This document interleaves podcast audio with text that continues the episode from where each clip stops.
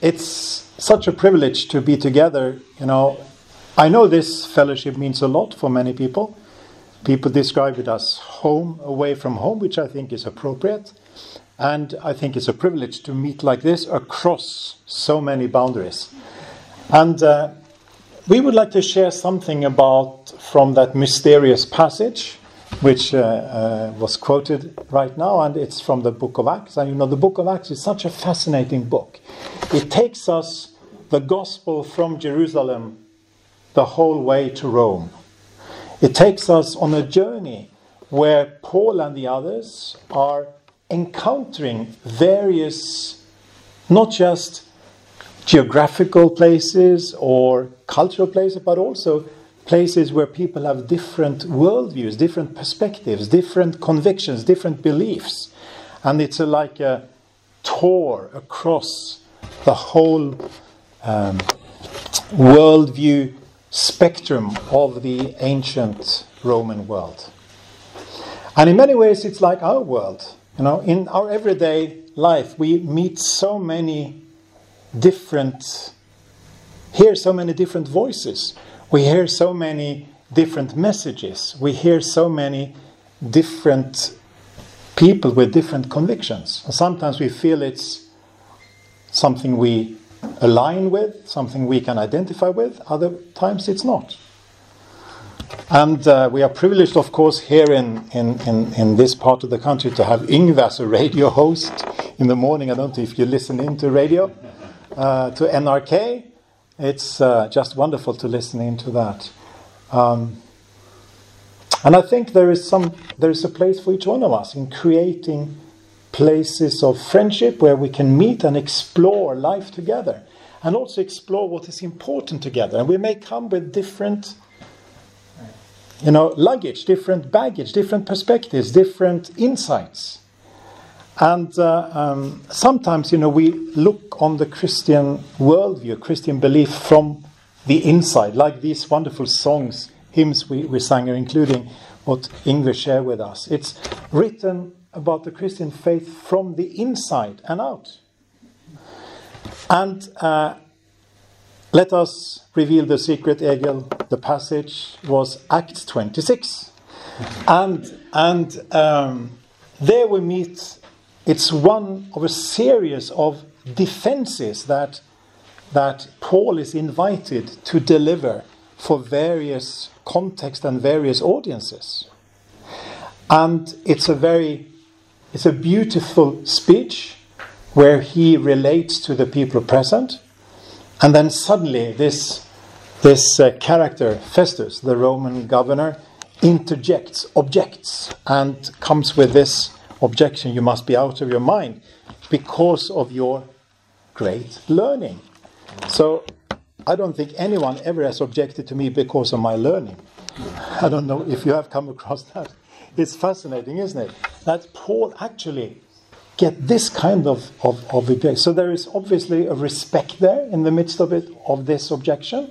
There is a recognition of that there is learning there. Um, and let me just read to you the, the final verses um, of his speech. And this is actually a very a beautiful speech. And let me just say, Paul starts with telling about his background as a Pharisee, then how he was a persecutor of the church, and then how he became both converted and commissioned as an apostle on, on the road to, to Damascus, as you may recall if you have read the story before. And then it's about the message that he was commissioned with. And then it says in verses 22 and onwards. But I've had God's help to this very day, and so I stand here and testify to small and great alike. I'm saying nothing beyond what the prophets and Moses said would happen that the Christ would suffer, and as the first to rise from the dead, would proclaim light to his own people and to the Gentiles. At this point, Festus interrupted Paul's defense. You are out of your mind, Paul, he shouted. Your great learning is driving you insane. So, before I'm joined by, by Pete here, and before I'll tell you more about, or Pete will tell more about himself, uh, why do you think Festus objected? Maybe you could just have a minute or half a minute with the person sitting beside you and ask yourself that question why did he interrupt? What was so controversial there in the verses I read? Okay, I stand here and testify, Paul said, let me repeat it, to small and great alike. I'm saying nothing beyond what the prophets and Moses said would happen that, that the Christ would suffer, and as the first to rise from the dead, would proclaim light to his own people and to the Gentiles. But why was that so controversial? Okay, my friends, I've, it's so good to hear the conversation going. Uh, I think there are at least three or four possible answers, and maybe all of them are right. So here is uh, just for anyone to to uh, suggest anything that could be help us to understand together. Anyone has a suggestion? He didn't like that he said Jesus is risen from the dead. Aha! So the resurrection from the dead was controversial. I think you're quite right, and because you know we that's not our experience. People who die they don't rise from the dead. That's sort of our normal experience, to put it that way. So, of course, that was very provoking, you know, very, very controversial. Okay? At least that's, that's one very good answer. Yes? But if, if, if I have Yes? listened to the history of the Romans, well, they believe in life after death. Uh huh. But but the, the truth and the, the fact that Paul, Paul was saying was a bit heavy. He didn't want to, to, to believe it, even though he knew that it was true. Uh huh. So there's something controversial there. Yeah. Mm-hmm. Yeah. Anyone else? I think that if, if he believed in uh, in Christ as Uh-huh. the Messiah, uh,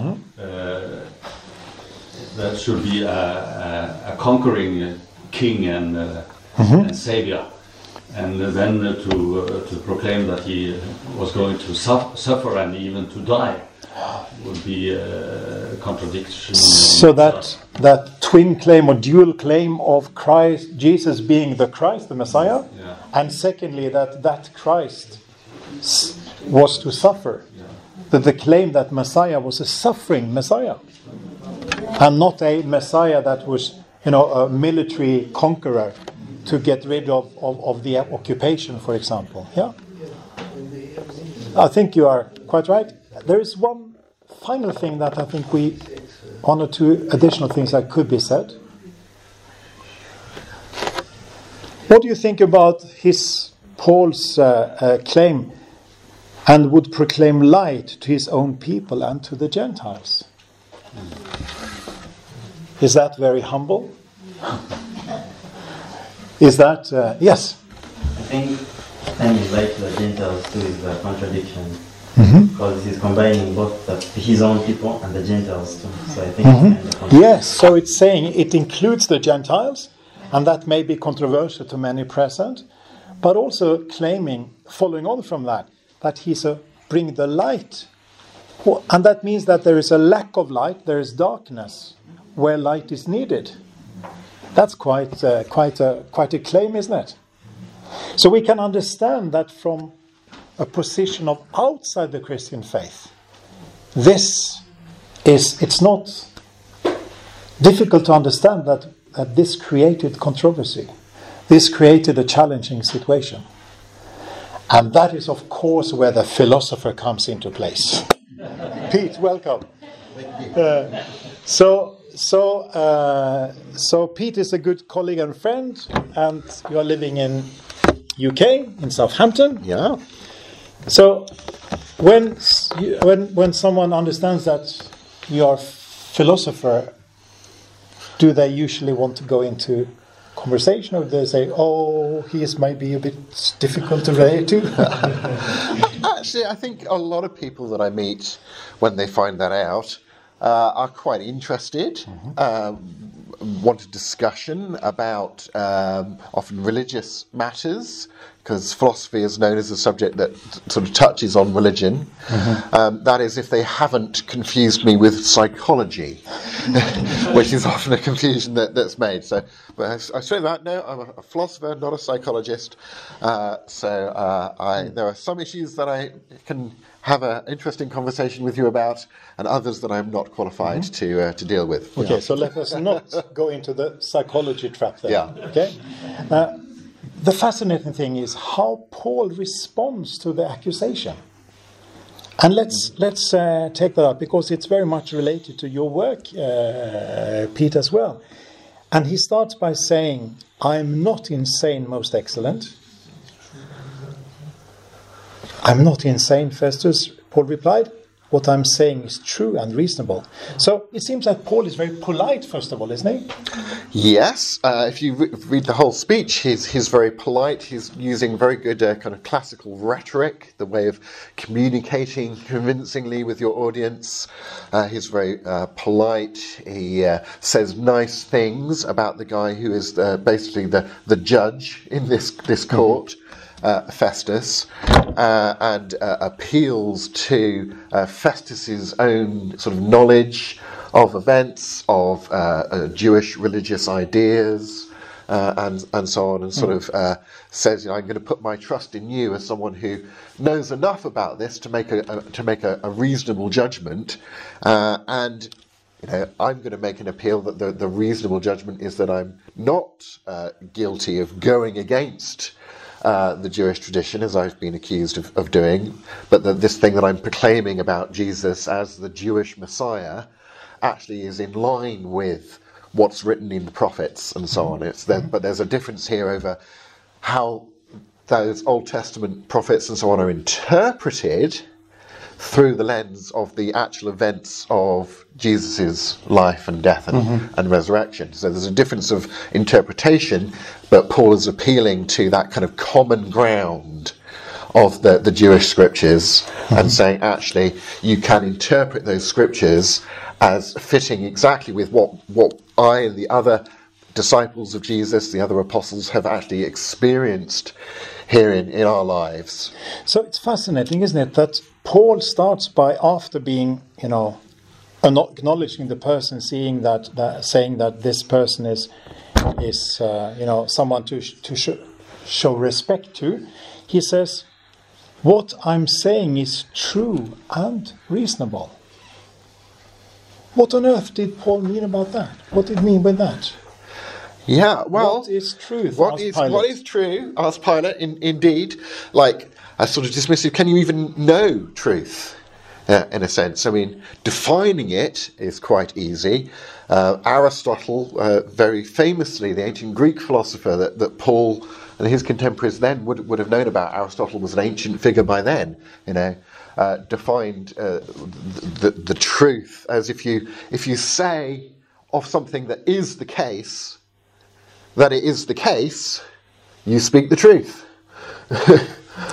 Interesting. Okay. Um, so you're, you're, you're accurately res- representing reality, mm-hmm. in other words. So it's a picture of reality. Yeah, mm-hmm. uh, accurately describes the facts. Mm-hmm. But the question is, well, how, how can you tell uh, that your claim about what is true is, is a reasonable one? Uh, so first of all, it seems as if he's saying what I'm saying is truth, It is true, and then he adds it's reasonable. And some translations say, eh, in Norwegian, for example, it mm. says it's it's properly thought through. I've spent time thinking through it. Mm. Isn't that fascinating? Yeah. Paul had spent time thinking through the Christian faith.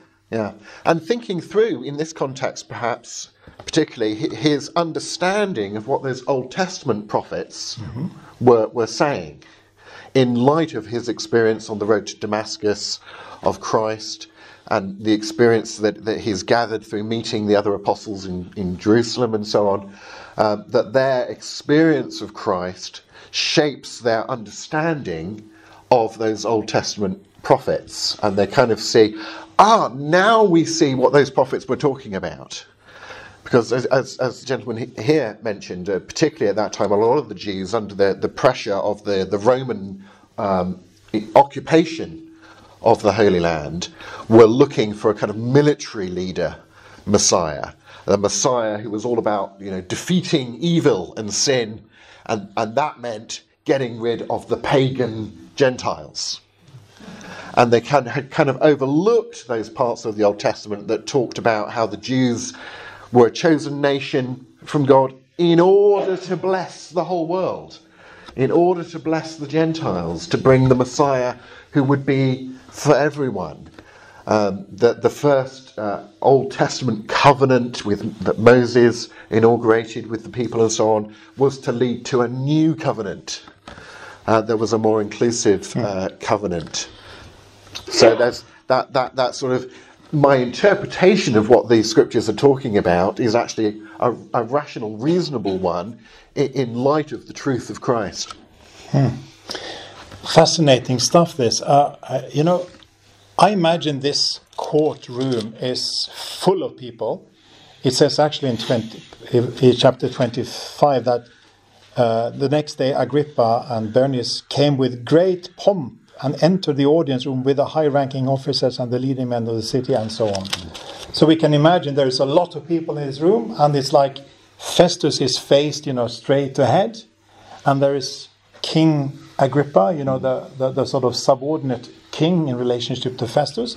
And it's fascinating, isn't it, that Paul says, what I'm saying is true. The king is familiar with these things. Speaking of mm. the king in the third person, not you, but you know the king, sort of referring to the king on the side, and I can speak freely to him. Fascinating.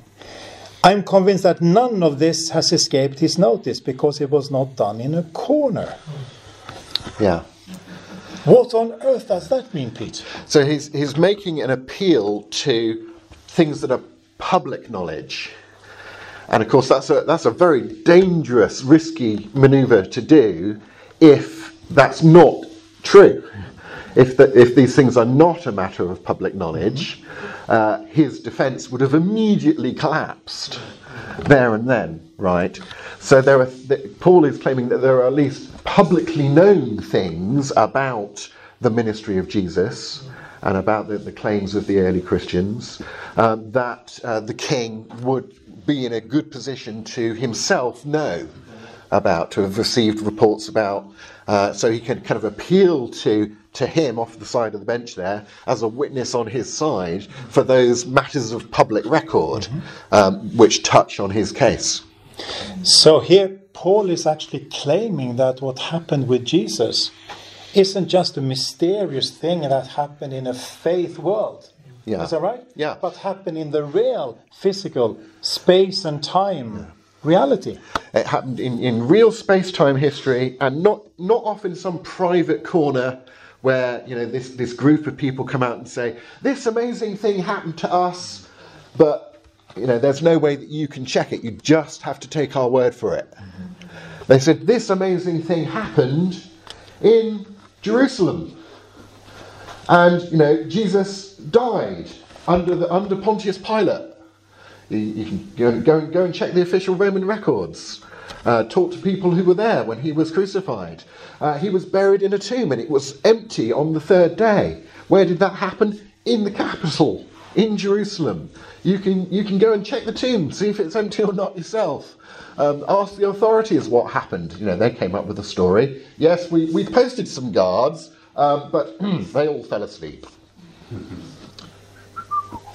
Uh, hmm, is that a likely story about what happened, or yeah, you know, so you can interrogate the kind of the witnesses to these matters of public record, and begin asking the question: Okay, here's the the evidence that we need to explain, and then we have to ask ourselves, what's the the most reasonable explanation, understanding of that evidence, of those events, of those matters of public record. So Paul is actually inviting us to explore the claims of the Christian faith, the truth claims, it seems. Uh, and then he adds, fascinating, and then turning to King Agrippa on the side, on the bench there on the side, saying, King Agrippa, Do you believe the prophets? I know you do. Uh, I don't know if you're interested in, in crime stories, but but you know sometimes the, the police uh, make a phantom picture. You know that you know where you, you sort of this is what the guy almost or the or the why did I say guy? Does it have to be a man? Well, uh, often is. Often is, yeah. So, uh, you know, the person in question, okay, uh, was was uh, uh, you know looks probably something like this, and when you put all the Old Testament prophecies together, it's like a phantom picture of Jesus Christ. Yeah. And, and I know, Pete, you have done quite a lot of work on, on seeing the, the sort of the Christ of the Old Testament, the mm. Messiah, and Jesus. Could you give us three, four examples of, of that kind of link that, Yes. that, that Paul is sort of Yeah. alluding at? Well, first of all, let me let me just go back to my earlier comments on that, that prophecy and how they were being viewed at the time and why this was controversial. Um, because it is true that there is this this sort of level in the Old Testament about the Messiah defeating evil and, and sin and, and and coming in judgment, but there's also this level about him being a, a suffering servant. Uh, uh, about the and, and how do you kind of fit these two things together, a conqueror and a sufferer? Um, and you know, the disciples claim Jesus' expression of that was that you know I've come now as a sacrifice for sin, as a suffering servant, and I will return at the end of human history in judgment. Uh, so it's kind of this this way around, and that fits in both of those streams So of it's, data. co- it's kind of the theme of the already, but not yet, isn't Yeah. it? Yeah. So I, I'm, I'm in the process of dealing with sin, but the way that I'm doing it is through this offer of salvation and forgiveness. Uh, and then ultimately, yes, God will, through Christ, deal with all evil, ultimately, will establish uh, heaven on earth, the kingdom uh, on earth. But the kingdom is already kind of here and growing amongst us. Uh, as Jesus expresses it in, in various Like a mustard seed? like a mustard seed Yeah. that's growing and one day will, will finally flourish, you know. Uh, so that, that kind of interpretation of the Old Testament scriptures fits in all of that data. And I would point you, if you want to just read for yourself, particularly things like um, Psalm 22, uh, Isaiah, uh, Prophet Isaiah, around sort of chapter 53 in particular, is a very famous passage from Isaiah that talks about the suffering servant. Uh, and this suffering servant who seems to die and yet still have life after he has died. And uh, very kind of uh, interesting poetic pictures that actually you can kind of bring into focus and fit all this information together into the picture uh, that the New Testament gives us of Christ as a way of understanding what the Old Testament is, is talking about. So here, Paul, in a few verses only, in a very compact way, introduces us to logic and philosophy about the truth question, to history and evidence, and to prophecy and fulfillment. Yeah. You see, the Christians were not just proclaiming, here is a new religious idea or a, a new sort of political ideal about a way to live. They're saying, God has actually done something in history, in public. Uh, we were wi- eyewitnesses to this. Paul himself is saying, I used to persecute the church. I thought they were in the wrong, and that the right thing to do was to persecute them. And then, good grief, I met the risen Jesus, and it turned my life around. And I then became a proclaimer of the gospel, of the good news. And isn't it fascinating that Paul is telling his own faith story, you know, in the defense? And it's sort of the, the story from the inside, you know, from, from the point of view of the experience of Christ hmm. from the inside. And then when he's questions, he's not without answers. He actually has hmm. some answers to give why he believed the gospel of Christ is true. Yeah. because again, it, it, this wasn't a sort of process of, you know, like uh, the, the, philosopher Rene Descartes. I, I, I, went into private and, and sat with my own thoughts and, and came to this kind of religious epiphany. It's kind of the opposite of that. It's like I knew what I was about. I was about defending the honor of Yahweh and persecuting these upstart Christians who are saying that this Jesus guy is a Messiah and he's a suffering Messiah. And that's a terrible. Oh, hello, Jesus. Oh, you are? Right. Um, I better turn my life around then. and that Damascus experience is, is uh, retold three times, I think, in the yeah. book of Acts yeah. because it's so significant. Completely central to yeah. Paul's story. Yeah. And then how this then continues, you know, it says Agrippa answers, responds in a way that has been interpreted in different ways. It may be interpreted as an ironic statement, or as a statement of curiosity, or as a statement of interest. You know, listen to this. Then Agrippa said to Paul, Do you think that in such a short time you can persuade me to be a Christian?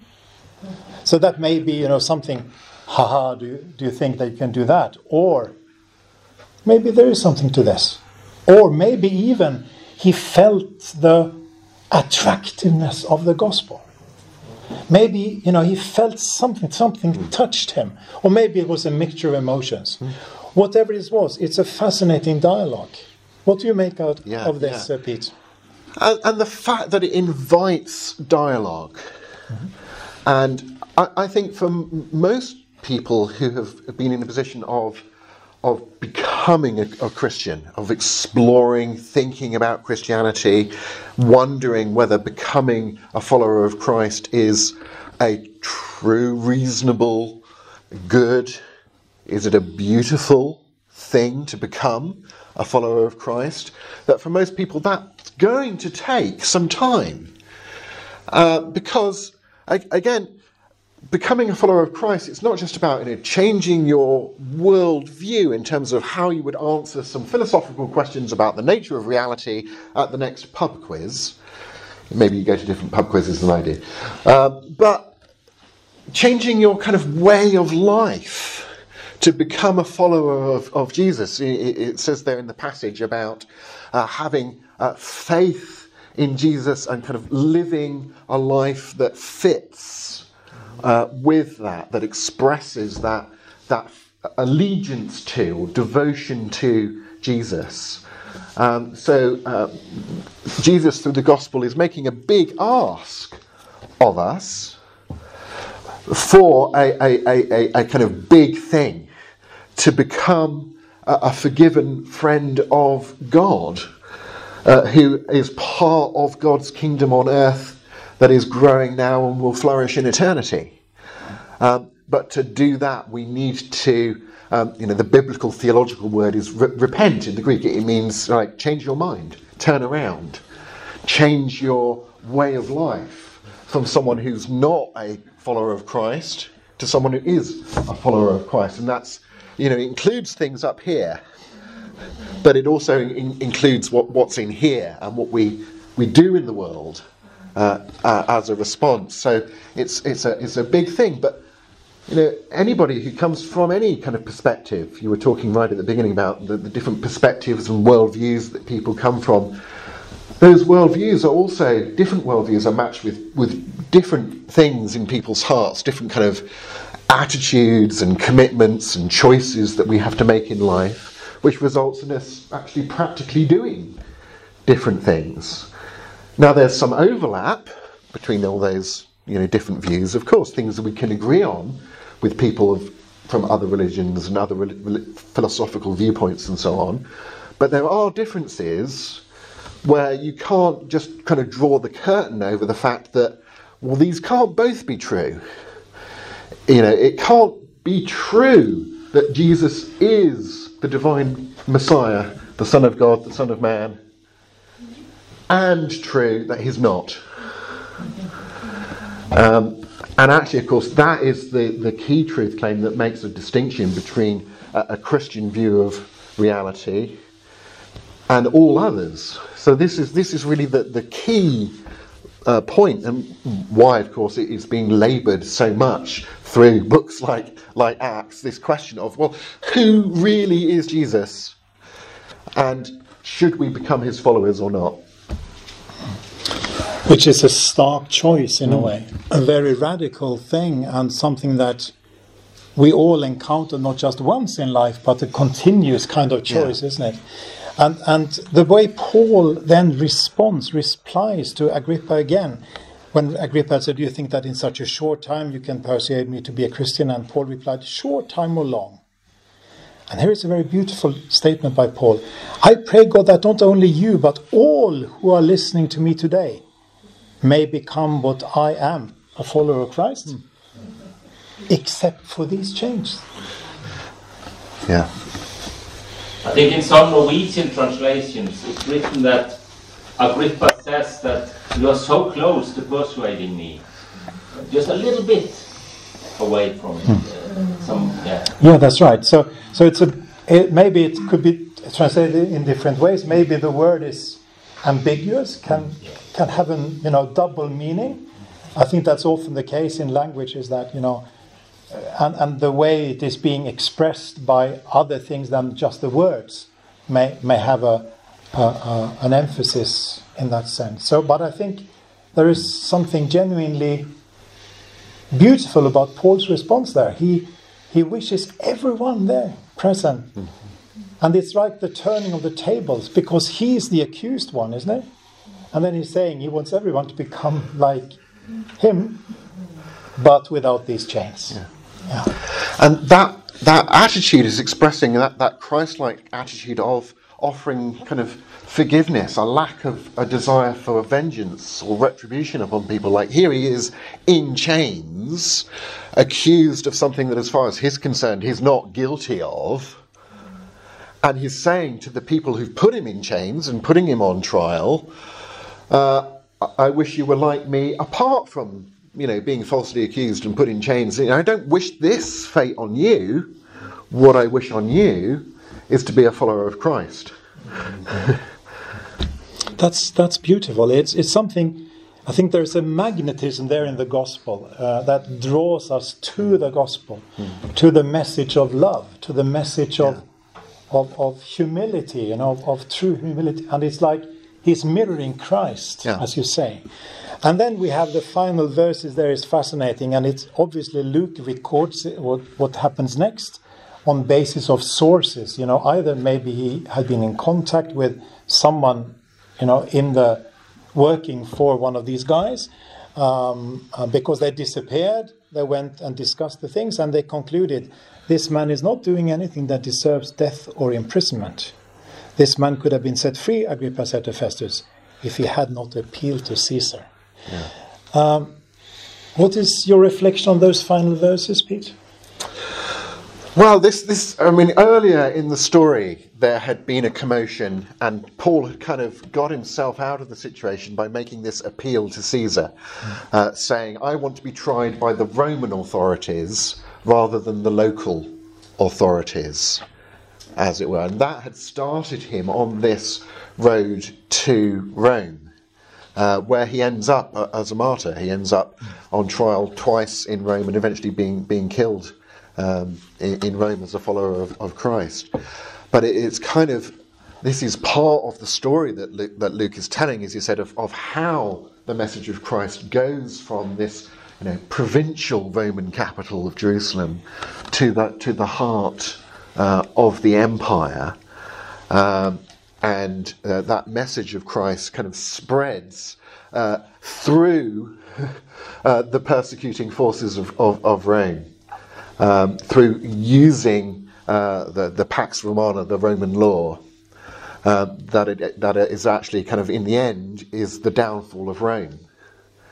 Right? Uh, uh, that uh, Rome is not overturned and kicked out by violent revolt and that kind of military messiah kind of solution, but that ultimately the gospel message is what plays a large role in, in, in unpicking Rome and converting Rome into what then became the Holy Roman Empire and, and so on. Now, there were there were good things and there were bad things about the, the, the, the historical sort of Holy Roman Empire. But I think that emphasis on that the Christians were not there to revolt and to kill the Romans, but they're, again, they're there to. Um, to include the Romans as part of the Gentiles into the kingdom of God. Um, that we're, we're prepared to, to suffer, uh, you know, to be in chains under Roman law, uh, to be dragged off to Rome and eventually killed by Roman law, um, in, in order, in a sense, to be able to, to spread uh, that message. I think Paul comes, comes to see this as kind of actually, this is a way in which the gospel message is being spread that I'm in chains for the sake of the gospel. Uh, and actually, this is opening up doors, opening up routes to proclaiming the gospel that I wouldn't have had uh, otherwise. So, out of just these few verses, there are like avenues of possible exploration, you know, of in terms of by way of thinking, reflecting the logic, the philosophy, the history, the mm. historical evidence, the prophecy fulfillment about Christ, the personal, life changing mm. story of Paul, and that now the willingness to suffer for the mm. gospel, and, and being, you know, not a revol- military revolutionary, but a, a peaceful revolutionary, Yeah. so to speak. Um, how do you think this speaks to us today? Well, as you say, today's situation, in, in a sense, is very different, but in a sense, is very similar. We live in this world with all sorts of conflicting religious and uh, secular kind of views on life, different ways of living. Uh, and we face those, those political questions of, well, how do we live together with people that we disagree with? How do we disagree in an agreeable way with each other? Uh, how can we view people who disagree with us with, with, and treat them with, with love and respect, uh, whilst also standing up for what we believe in a reasonable and rational manner? Um, those are kind of two sides uh, of the balance that it's quite difficult to hold together. Right? You can you can live in peace with everybody if you never touch on anything you disagree with, or if you're prepared to just go along with the herd. Right? But to actually have a view, stick to it even when it's costly, but treat people who differ with you in a loving and reasonable way, that's kind of like the, the, the, the cultural um, jackpot today, isn't it? Uh, and yet, here is Paul uh, in his um, mirroring of what Christ taught the disciples, of the, the, the life and example of Christ. Here is Paul showing us kind of a way to do that in the multicultural, multi religious world of the Roman Empire in the first century. Hmm. There is a lot to reflect on here, isn't it? To to take with us and ask how does this apply to our situation? You know, whether we look at this from outside the Christian faith and wanting to explore it, or just want needing to again to ask ourselves, maybe asking ourselves, is there a good reasons for keeping on believing, mm. keeping on living as a disciple, or whether it's you know we have come in touch with someone, want to share the gospel with them, and we want to to really to to, to be inspired, encouraged, and get a model for relating, as you mm. say, mm. with love and reasonably. Uh, so, so there is a lot to, to take away from this. Maybe uh, could I ask you to lead us in prayer as we finish this? Yeah. Thank you, Lord, for this passage that Luke wrote so many hundreds and hundreds and hundreds of years ago, and yet the way in which it speaks into our lives and world now. Partly because of the eternal relevance, of course, of your Son, Jesus Christ, uh, and of his example and of his teachings as proclaimed through his disciples and folks like Paul, folks like Luke.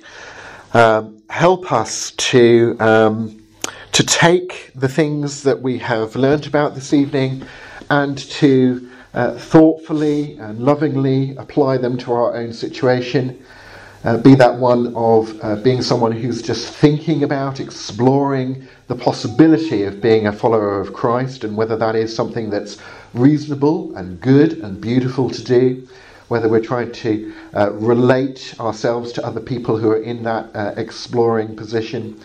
As we deal with some of the controversies uh, in our society, perhaps those controversies even um, impinge into, uh, you know, our own family discussions around the meal table, where we have uh, different uh, political and uh, religious views represented there. Help us, Lord, to to follow your uh, Bible's model of relating to people both with love and with reason, and holding those together uh, in the way that Christ Himself modelled.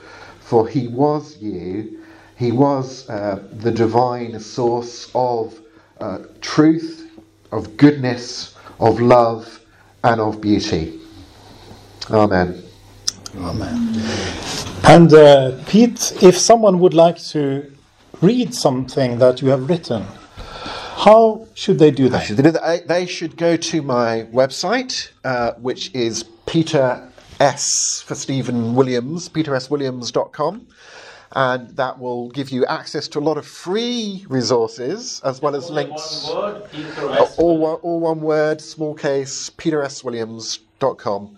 Uh, lots of free stuff there. I, I have a podcast, I have a YouTube channel, uh, I have free available papers and so on, but it'll also tell you information about my, my books and uh, links to where you can get those and so on. But uh, The final question before Egil gets into this place again.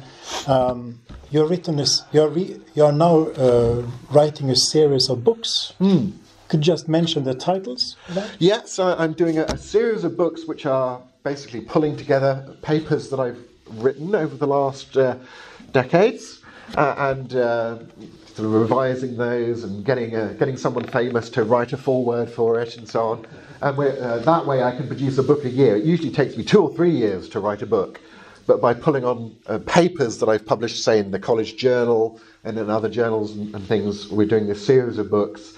The first one was called Apologetics in 3D. That's about really sort of um, trying to help people to understand that being a follower of Jesus is a reasonable, good, and beautiful thing.